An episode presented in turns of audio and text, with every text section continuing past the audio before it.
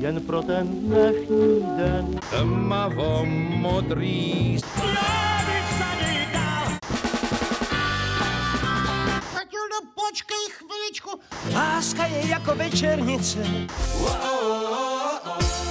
Vítejte u Suprafon podcastu.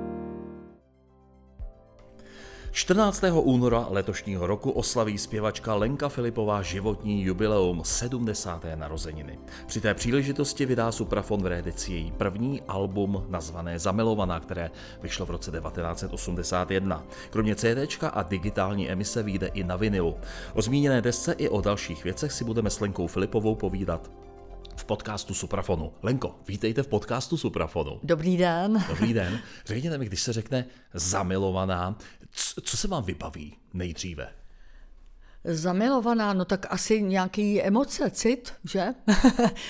ale musíme si uvědomit, že ty můžou být nebo být eh, platný, nebo se můžou aplikovat na, v různých situacích, nemusí to být jenom k člověku, že jo? Já myslím, že ty emoce nám chybí teď v každodenním životě, bych tak řekla.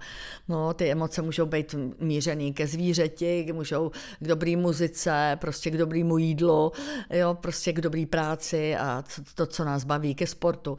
Prostě um, emoce by nám neměly ze života vymizet, takže zamilovaná je pro mě takové jako, že, že něco má člověk rád. Takhle. Ta deska vyšla v roce 1981, ale předcházela jí zajímavá cesta, než jste se k ní dostala. Mm-hmm. Já bych rád hovořil třeba na začátku o tom, co bylo ve Francii, kde jste studovala eh, muziku, kde jste eh, studovala hru na kytaru, mm-hmm. poté, co jste ji vystudovala tady v České republice. Co vás vlastně přitáhlo do ty Francie?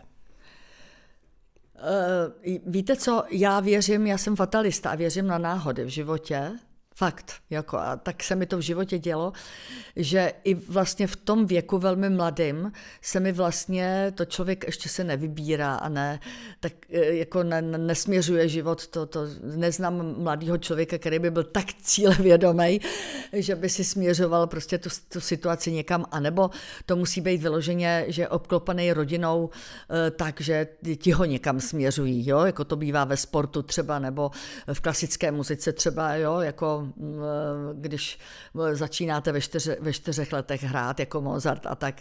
Ale eh, když prostě přemýšlíte úplně jako mladý člověk, tak vás musí ovlivnit prostě, nebo to musí být tím, že najednou dostanete určitý příležitosti, který prostě jsou vám daný osudem a vy je buď to využijete, nebo nevyužijete. A tak se mi to dělo od začátku vlastně mý, mý, mýho působení v muzice bych řekla, že náhodně se stávaly situace, kdy jsem někoho potkala, ten řekl to a, a tak dále. A to mě ovlivnilo. Jo? Takže můj první, eh, já začnu o, o malinko dříve, než, než byla Francie, že vlastně můj první takový rozhodnutí, že budu v muzice, byl na návštěva Rudolfína, kdy jsem viděla nádherný kytarový koncert Juliana Brima který tenkrát jako eh, zajel do, na Pražský jaro a eh, byla jsem fascinovaná, řekla jsem, tak tohle chci dělat. Jo? A takže já jsem vlastně začínala úplně, ten pocit můj emoční začal úplně u něčeho jiného. To je skvělé, že si pamatujete tu iniciaci, ten ano. moment, kdy to začalo. Ano,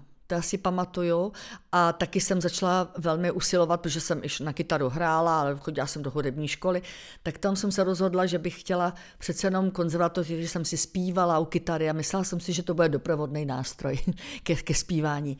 A tam jsem se prostě do kytary zamilovala a řekla jsem si, že tohle je krásný, jo.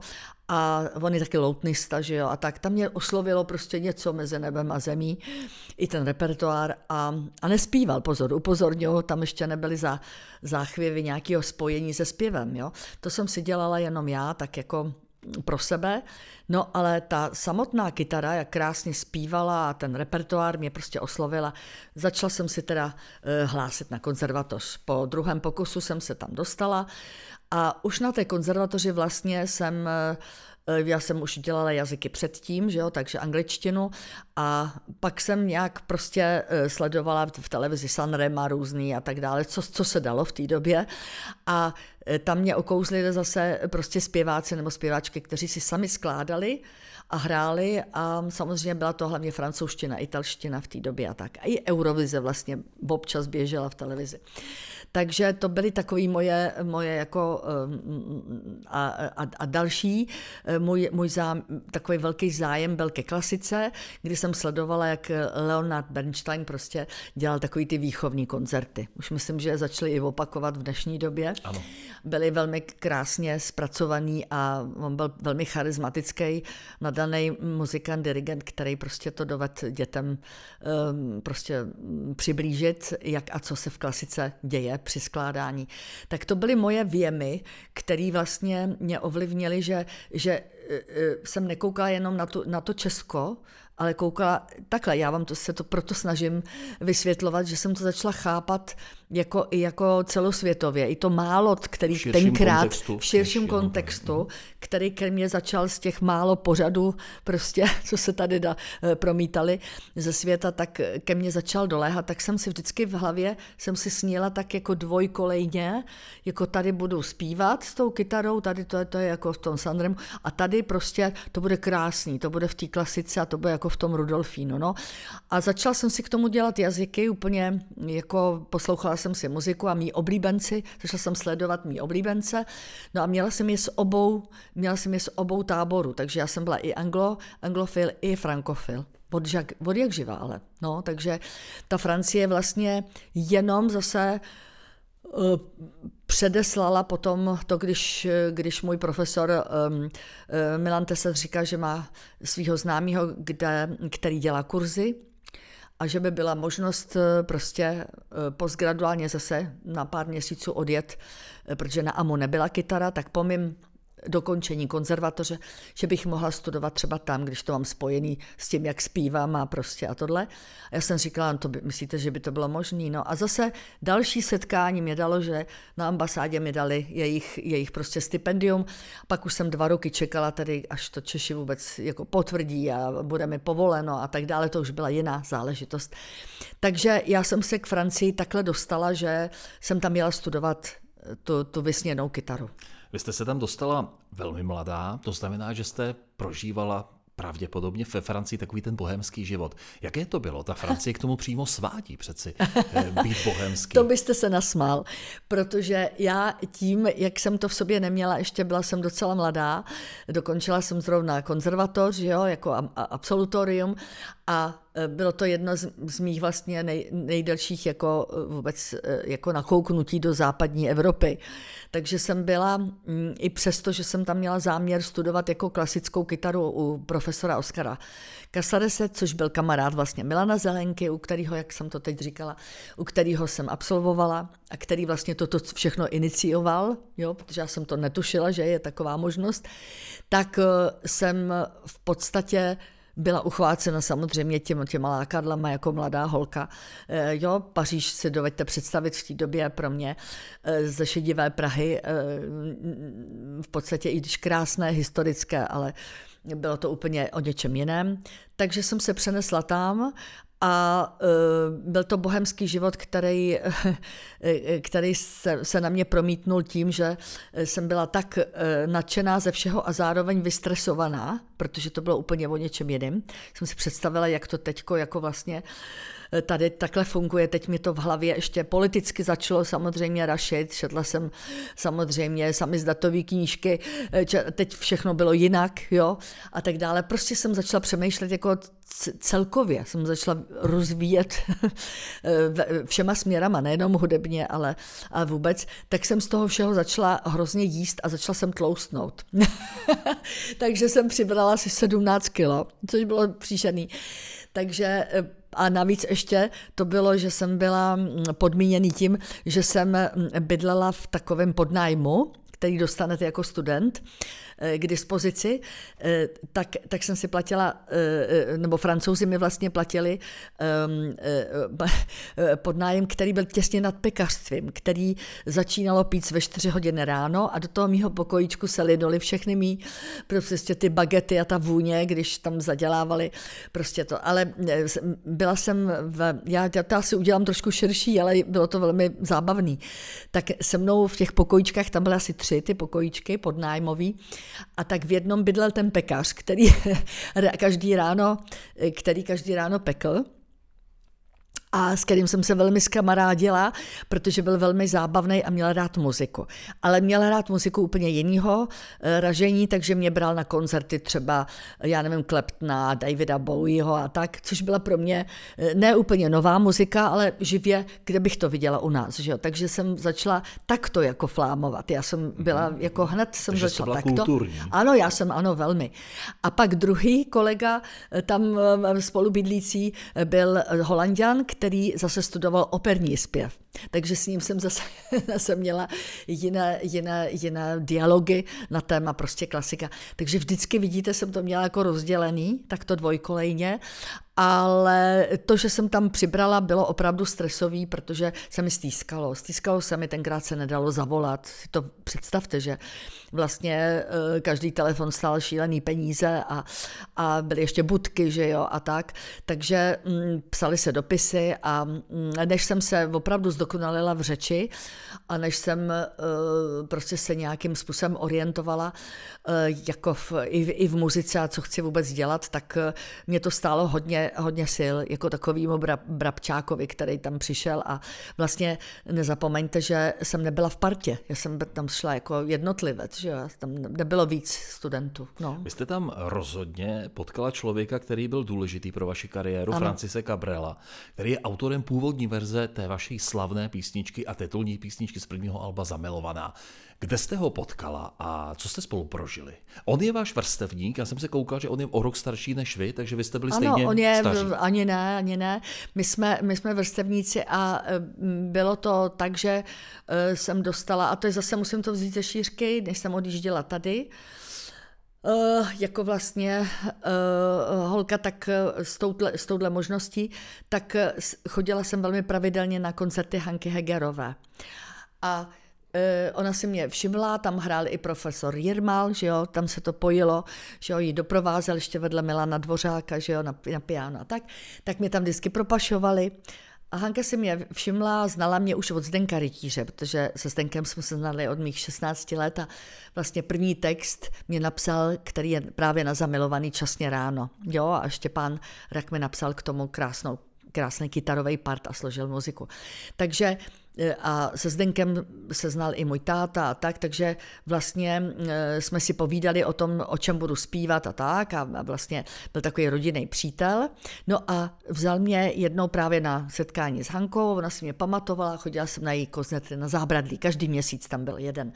No a když jsem měla před tím odjezdem, tak jsem říkala, Hanko, já mám to štěstí, že jsem dostala stipendium, ona úplně zařvala radostí, protože tenkrát měla takový složitý období, ani nějak nemohla ven, nebo něco prostě zrovna nevýjížděla, měla nějaký starosti a e, tak říkala, tak já vám dám číslo na Bruna Kokatrixe. Jo? Bylo to až takhle, úplně jednoduchý.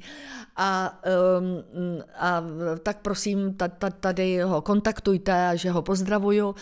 A a užijte si to tam, protože to bylo že, zatím na pár měsíců. A e, tak, jsem, e, tak jsem jí poděkovala a odjela jsem. E, šla jsem samozřejmě Bruna Kokatrice navštívit a to zahrála jsem mu, strašně se mu to líbilo a říkal, že musím ještě na sobě pracovat, i když jsem tenkrát hrála, protože já jsem byla hodně klasická. Já jsem nebyla v show businessu ještě tenkrát, jsem byla klasická koncertní kytaristka. Že?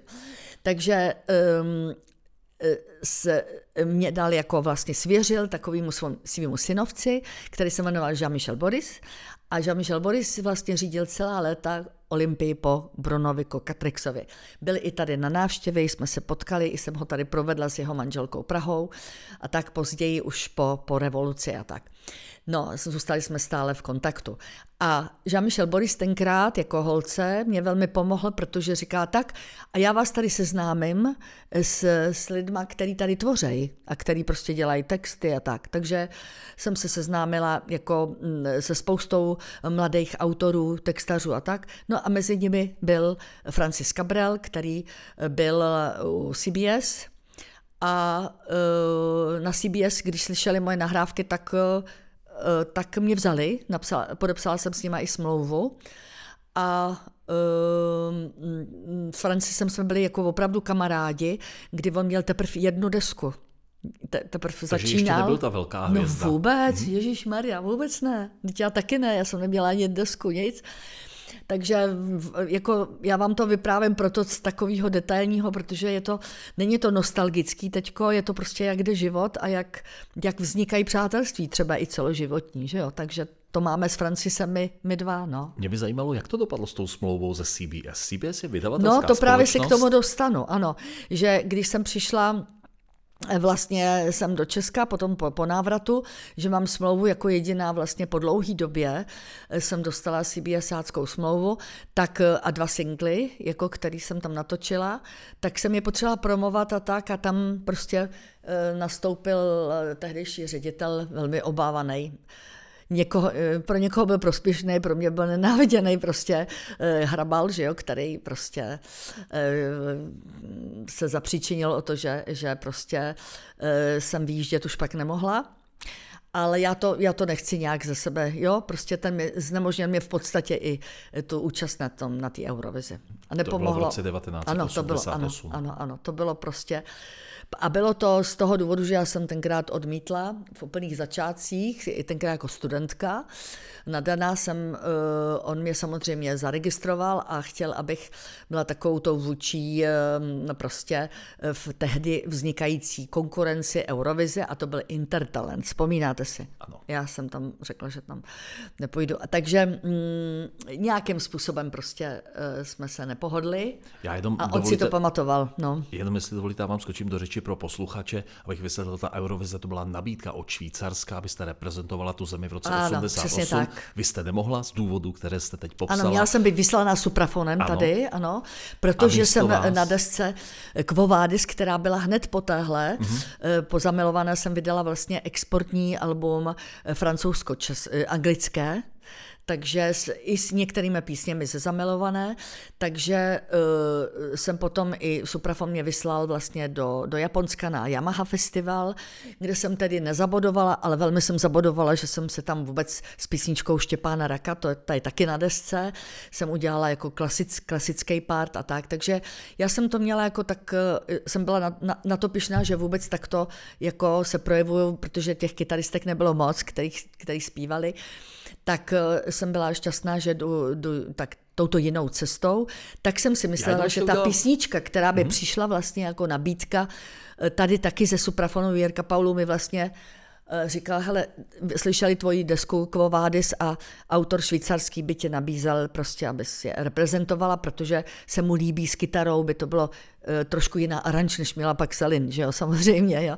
Ale, ale um, v podstatě uh, jsme se dohodli, no a jakmile tam prostě nepochopím, že až tak měl dlouhé prsty, jako ten, ten Pragu koncert tenkrát, že prostě, že to je v zájmu bilaterálních, nebo proti zájmům bilaterálních vztahů, nebo jak to nazvali, já nevím prostě.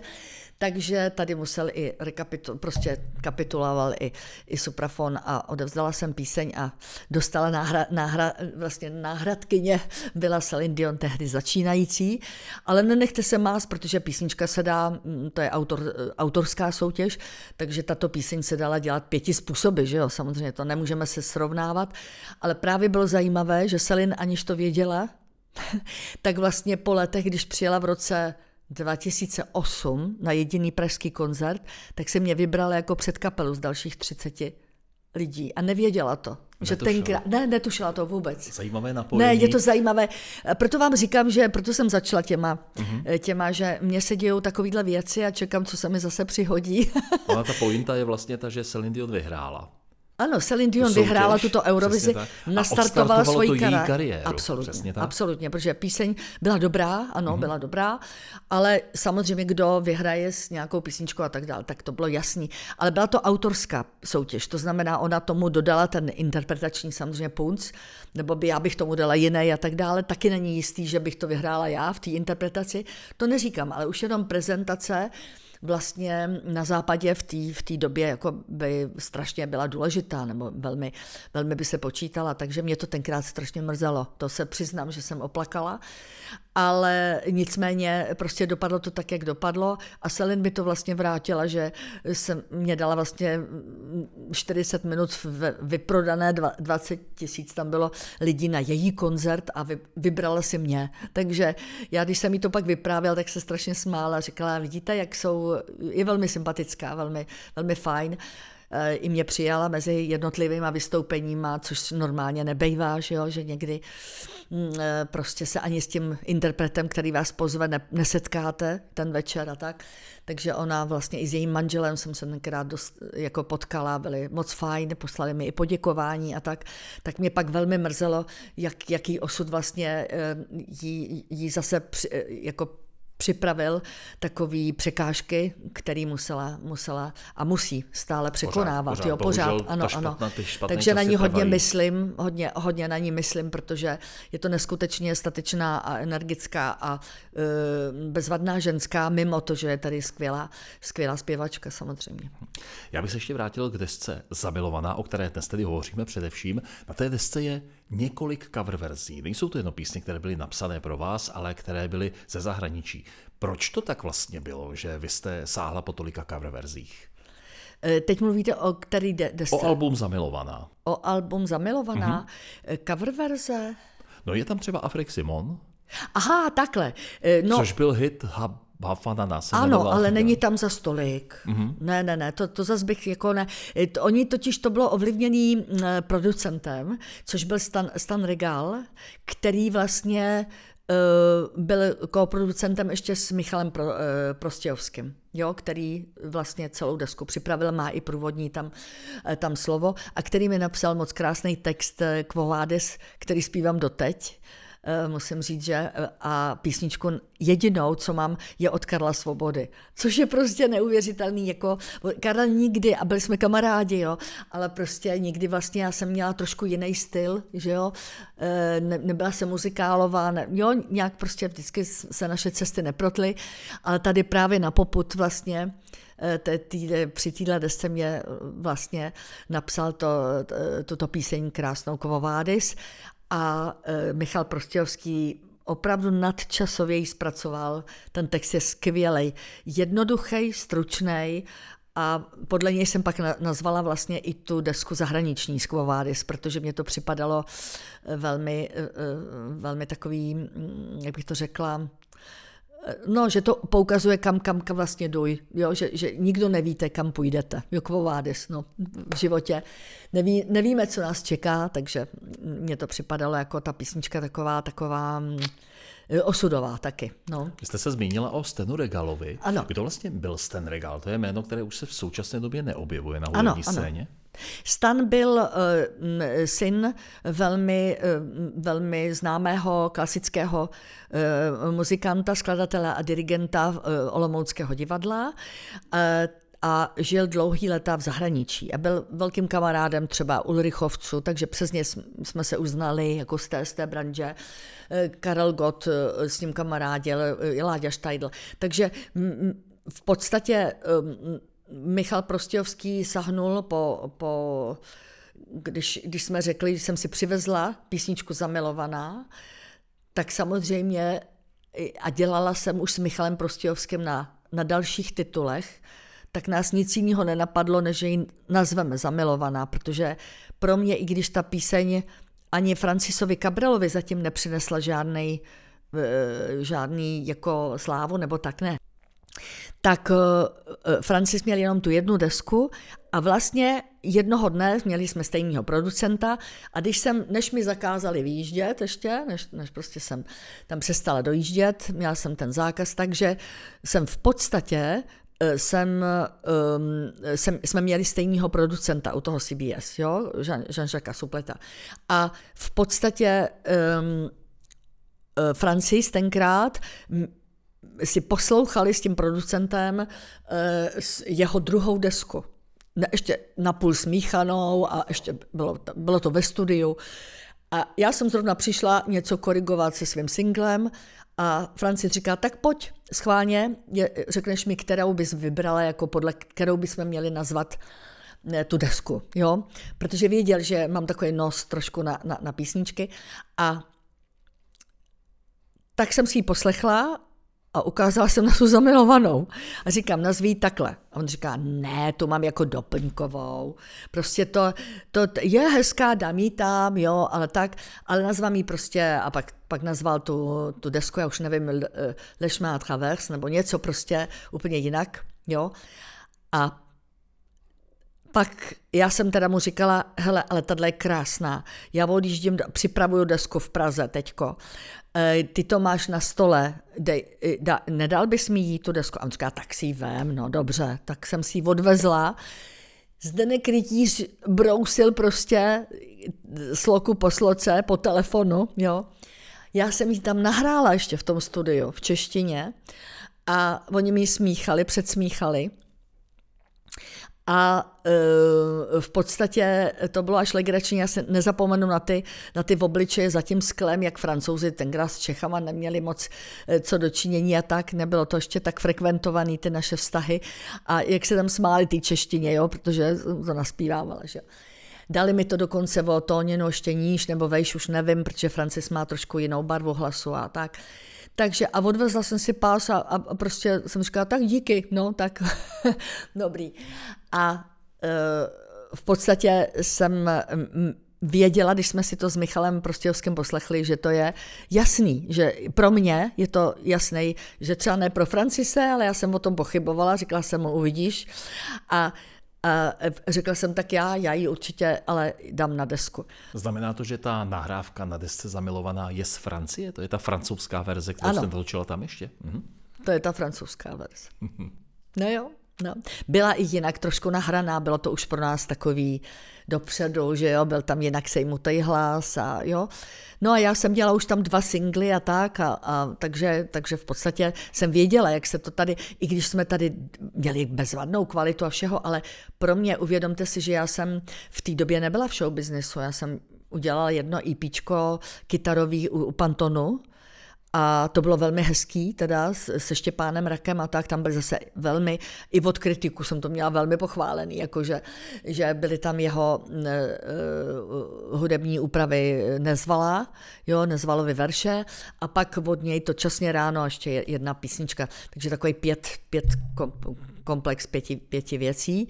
No ale to bylo veškerý můj počin tady jako v showbiznesu a, a tak jsem byla studentka pořád klasiky, že jo. No, kytaristka. Titulní písnička Zamilovaná vás proslavila. Myslím si, že do dnešní doby je to asi váš, váš největší hit, tedy eh, v srdcích vašich fanoušků. Myslím si, že si ji pamatujou, eh, pamatují ti, kteří mě mají zafixovanou v té době. Ale myslím si, že největší, jako já to chci opravit, asi jako jo, mezinárodní hit, ale největší hit byl asi pravděpodobně za všechno může čas. To si myslím, že jako je u, u lidí takové jako nejvíc věnování, za všechno může čas. Prý se tomu říká, já, já jich mám víc, no, ale to je díky Zdenkovi Rytířovi, prostě ty texty jsou nadčasový a prostě je to úžasný. No. Vy jste se zmínila už na začátku, že máte v sobě lásku ke klasické muzice a vlastně i k pop music. E, jak v životě přicházejí ty chvíle, kdy se víc věnujete tomu žánru a víc tomu žánru? Hmm. Co, se, co se děje v době, kdy třeba milujete klasiku a nahráváte skladby klasický? A teď ty jste se ptal úplně na začátku, jsem přeslechla, jako když dělám desku, nebo jak se rozhoduju, obecně, nebo... Obecně, že teď zrovna se budete Jak to dělím, tom, jak ano, to dělám ano, tu pozornost. Tak. No, to je právě to, jak je to těžký. je, to, je to velmi náročný, je to těžký a musím si, eh, ne, že bych byla zase úplně takový programový člověk, že bych si řekla, tak teď budu hodinu cvičit klasiku a pak to. Eh, tak zase jako k sobě disciplinovaná nejsem, ale z té klasiky ta disciplína tam je, že každý den v podstatě ten nástroj vezmu do ruky a navíc jsem, musím to říct velmi pyšně a velmi pokorně, že jsem na to pyšná, že ne sice virtuózně, jsem, si, jsem se naučila i na jiný druhy kytar, který, který mě prostě tu cestu k těm písničkám ještě rozšiřují, že při skládání nebo při aranžích a tak mi, dávaj, mi to dává smysl, jo, zahrát někde na elektriku. A vždycky jsem potom toužila, že nezůstat jenom tou klasickou kytaristkou, i když ta klasika byla pro mě jako základem, jo. A zase musím říct, že jsem zase si musím pochválit, že zase mnozí mý, mý i spolu spolužáci, ano, i spolužačky, který klasiku dělali se mnou, tak už jako zase ale klasiku opustili. A ono se k ní pak nevrátíte jen tak. Ona je velmi, ne, to, to opravdu jako ne, není, není ten, ten, říkala mi to třeba Věrka Martinová, která taky studovala v Brně a tak, prostě se už pak pustila do tý, do, na tu folkovou jo, na tu country vlastně platformu, kterou se velmi jo, zdokonalila a tak a baví jí a tak, ale když jsme se bavili o klasické kytaře, tak říkala, já už bych prostě jako těž, horko těžko, jako zase ty bachy a tak, jako prostě chce to, říkal mi to Michal Pavlíček, který taky začínal kdysi, ale na hudebce jenom, ten nedělal konzervatoř. Ale Věrka třeba má celou konzervatoř a máme i několik kamarádek a kamarádů, kteří mají tu konzervatoř, třeba Petr Mahry, který teď musím na něj zavzpomínat, byl u Vaška Neckáře, skvělý kytarista, milý kluk, bohužel už odešel a e, takže Peťa e, prostě v podstatě jsme se znali jako z konzervatoře, že jo, že byl o pár ročníků vejš, tam byl už jako takový starší Bart, ukazoval mě vždycky, dával mi rady a, a já jsem tam přišla jako malý, malý kuře. No a e, v podstatě mám víc, víc těch, proto to říkám ze zkušenosti, ne, že bych teď za sebe dělala nějakou, jako že, že jsem něco víc, to, to rozhodně ne. Já jsem jenom měla takovou tu touhu, že to prostě, že něco mi říkalo, že mm, to chci hrát, že to jako, že mě to strašně baví a pořád jsem v tom jako pokračovala a samozřejmě Eh, měla jsem k sobě i ty nej, takový ty nej, nejpraktičtější parťák, parťáky, kteří mě do toho strkali, což byl třeba Milan Tesař, jo, který mě nenechal mě nenechal odpočívat a jemu se velmi líbilo to i jak zpívám s kytarou, ale proto mi dělal tolik těch písniček a uh, skládal mi je a uh, znal mě od mých 12 let, takže to byl můj takový kytarový táta, taky už bohužel není mezi náma, takže chci na jeho počest právě udělat, udělat další desku s jeho úpravama, s jeho skladbama. Tak uh, to těm, těm, těmhle lidem, Štěpánu Rakovi, že jo, za, to, za to vděčím, že mě vždycky ke kytaře jako tahnul mým profesorům samozřejmě, jo, Milanovi Zelenkovi a Štěpán Urban, u, u kterého jsem začínala vlastně, eh, byl, byl pro mě velmi důležitý jako, jako člověk, jako ezot, on byl napůl ezoterik, skladatel a tak, takže tam jako úplně mladá holka jsem, jsem prostě u něj zažila takový i diskuzní jako místo hraní Eh, diskuzní prostě mm, eh, hodiny eh, o ezoterice, o, o esperantu a já nevím, on byl velmi jo, o skládání, o, o tom, jak se komponuje a tak, takže to, to nebylo jenom jako o technice kytarový a tak, ale byl to zakladatel hlavně kytarové školy, kytarové třídy jo, na konzervatoři. Takže já, já jenom ještě dodám jednu větu, jak jsem, jak jsem v tom, abych to správně usadila a řekla ten, ten, ten záměr. Takže jsem velmi pyšná na to, že jsem si rozšířila ten kytarový park. Zůstala jsem u té klasické kytary, ale vlastně jsem ho rozšířila ještě o, o klasickou, o, o další styly kytar, o picking, o dvanáctku, elektriku a tak, protože mě to prostě oslovovalo vždycky od James Taylora přes uh, Garfunkla uh, jo, a, a tak dále, Paula Simona, všechny všechny prostě ty, tyto hráče, Keta Stevense a všechny tyhle ty eh, vlivy, které jsem měla z té doby, jo, byly velmi, velmi Neil Younga a všechny, t- celá ta folková jako anglosaská ta a plus ta, když jste se ptal na Francii, tak plus ta zase frankofoní ještě kytarová, ta to byl Brassens, Brel, jo, a prostě všichni tyhle ty lidi. A pak Maxim Le Forestier, Eh, z, z, z té nové generace a Francis Cabral, který jsem měla tu čest, že, že, jsem se jim, že, že jsme zůstali vlastně životními přáteli. No a mám od něj tuhle krásnou písničku. Vy jste eh, zmínila v té odpovědi předcházející, že byste chtěla další deskou vzpomenout na Milana Tesaře. Ano, ano. Mimo jiné, poslední řadové album jste vydala tuším v roce 2018, jmenuje se Opidum, tam jste se dotkla i keltské hudby, to no. bylo krásné album. Co teď bude dál? Co chystáte, pokud uh, tedy jde o nahrávání nových skladeb? Tak uh, je to přede mnou teď výzva, protože opravdu už o tom teď pominuli všechny covidy a, a já jsem teď posledních deset let měla opravdu takových hodně složitých i ve svém e, osobním životě, i v, e, se to dotklo zdraví a pak přišel ještě covid navíc pro všechny, takže to bylo jako opravdu nelehký. Tak teď doufám, že e, v této éře, která se mi otvírá, jako já jsem taková jako lítající si ča, pro, prostorem a časem, tak, tak bych ráda se dotkla dalších věcí, který, který prostě mám pořád v hlavě a který se mi nepodařilo zrealizovat, to znamená mm, nové tituly, nové písničky, teď připravuju nový single, eh, eh, s písničkou, kterou mi nabídli eh, Ondra Soukup a Gábena Osvaldová, takže ji budeme teď co nej, nejdříve točit. Uděláme k tomu určitě i klip a bude to taková předzvěst vlastně pro novou desku, která by měla obsahovat pravděpodobně i tituly klasický, ale zpívaný.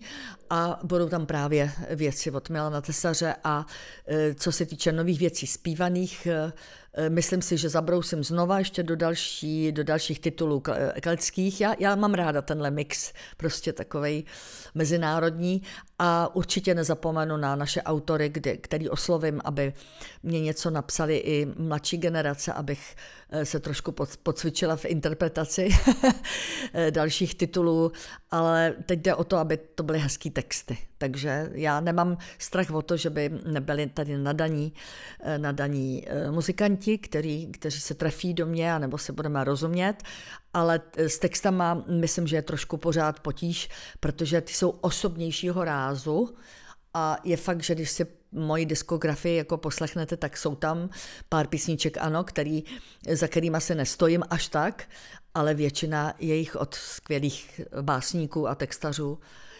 kteří mě ten repertoár pomohli vlastně takto dotvořit. A jsou stále promlouvající i k dalším generacím. Mezi nimi teda první Zdenek Rytíř, Pavel Vrbaš, jo, Pavel Šrut, Gábena Osvaldová. Prostě je jich spousta, takže kdybych na někoho zapomněla, prosím, tak se na mě nezlobte, ale jsem na to velmi hrdá a pyšná, že jsem s nima eh, mohla dělat i s těma, co už tady nejsou, že na ně zavzpomínám tímto, nebo vzpomínám stále a zůstávají mezi lidma, protože je zpívám stále na koncertech. A myslím si, že ty koncerty jsou pro mě eh, velmi důležitý eh, v tom, že některý smysl těch písniček, jak jsme mluvili o textech vlastně Zdenka Rytíře a o tom, že mi psal texty trošku na tělo a dopředu, že se mi i ty věci děly třeba, tak eh, ano, asi pravděpodobně jako interpret tyto písničky uchopuju, uchopuju úplně jinak teď v tomto věku a v tomto uh, vyzrání toho interpreta. Takže proto otázky třeba typu, jako jestli mě ještě baví zpívat ten a ten titul, třeba který je už letitej, ano, baví.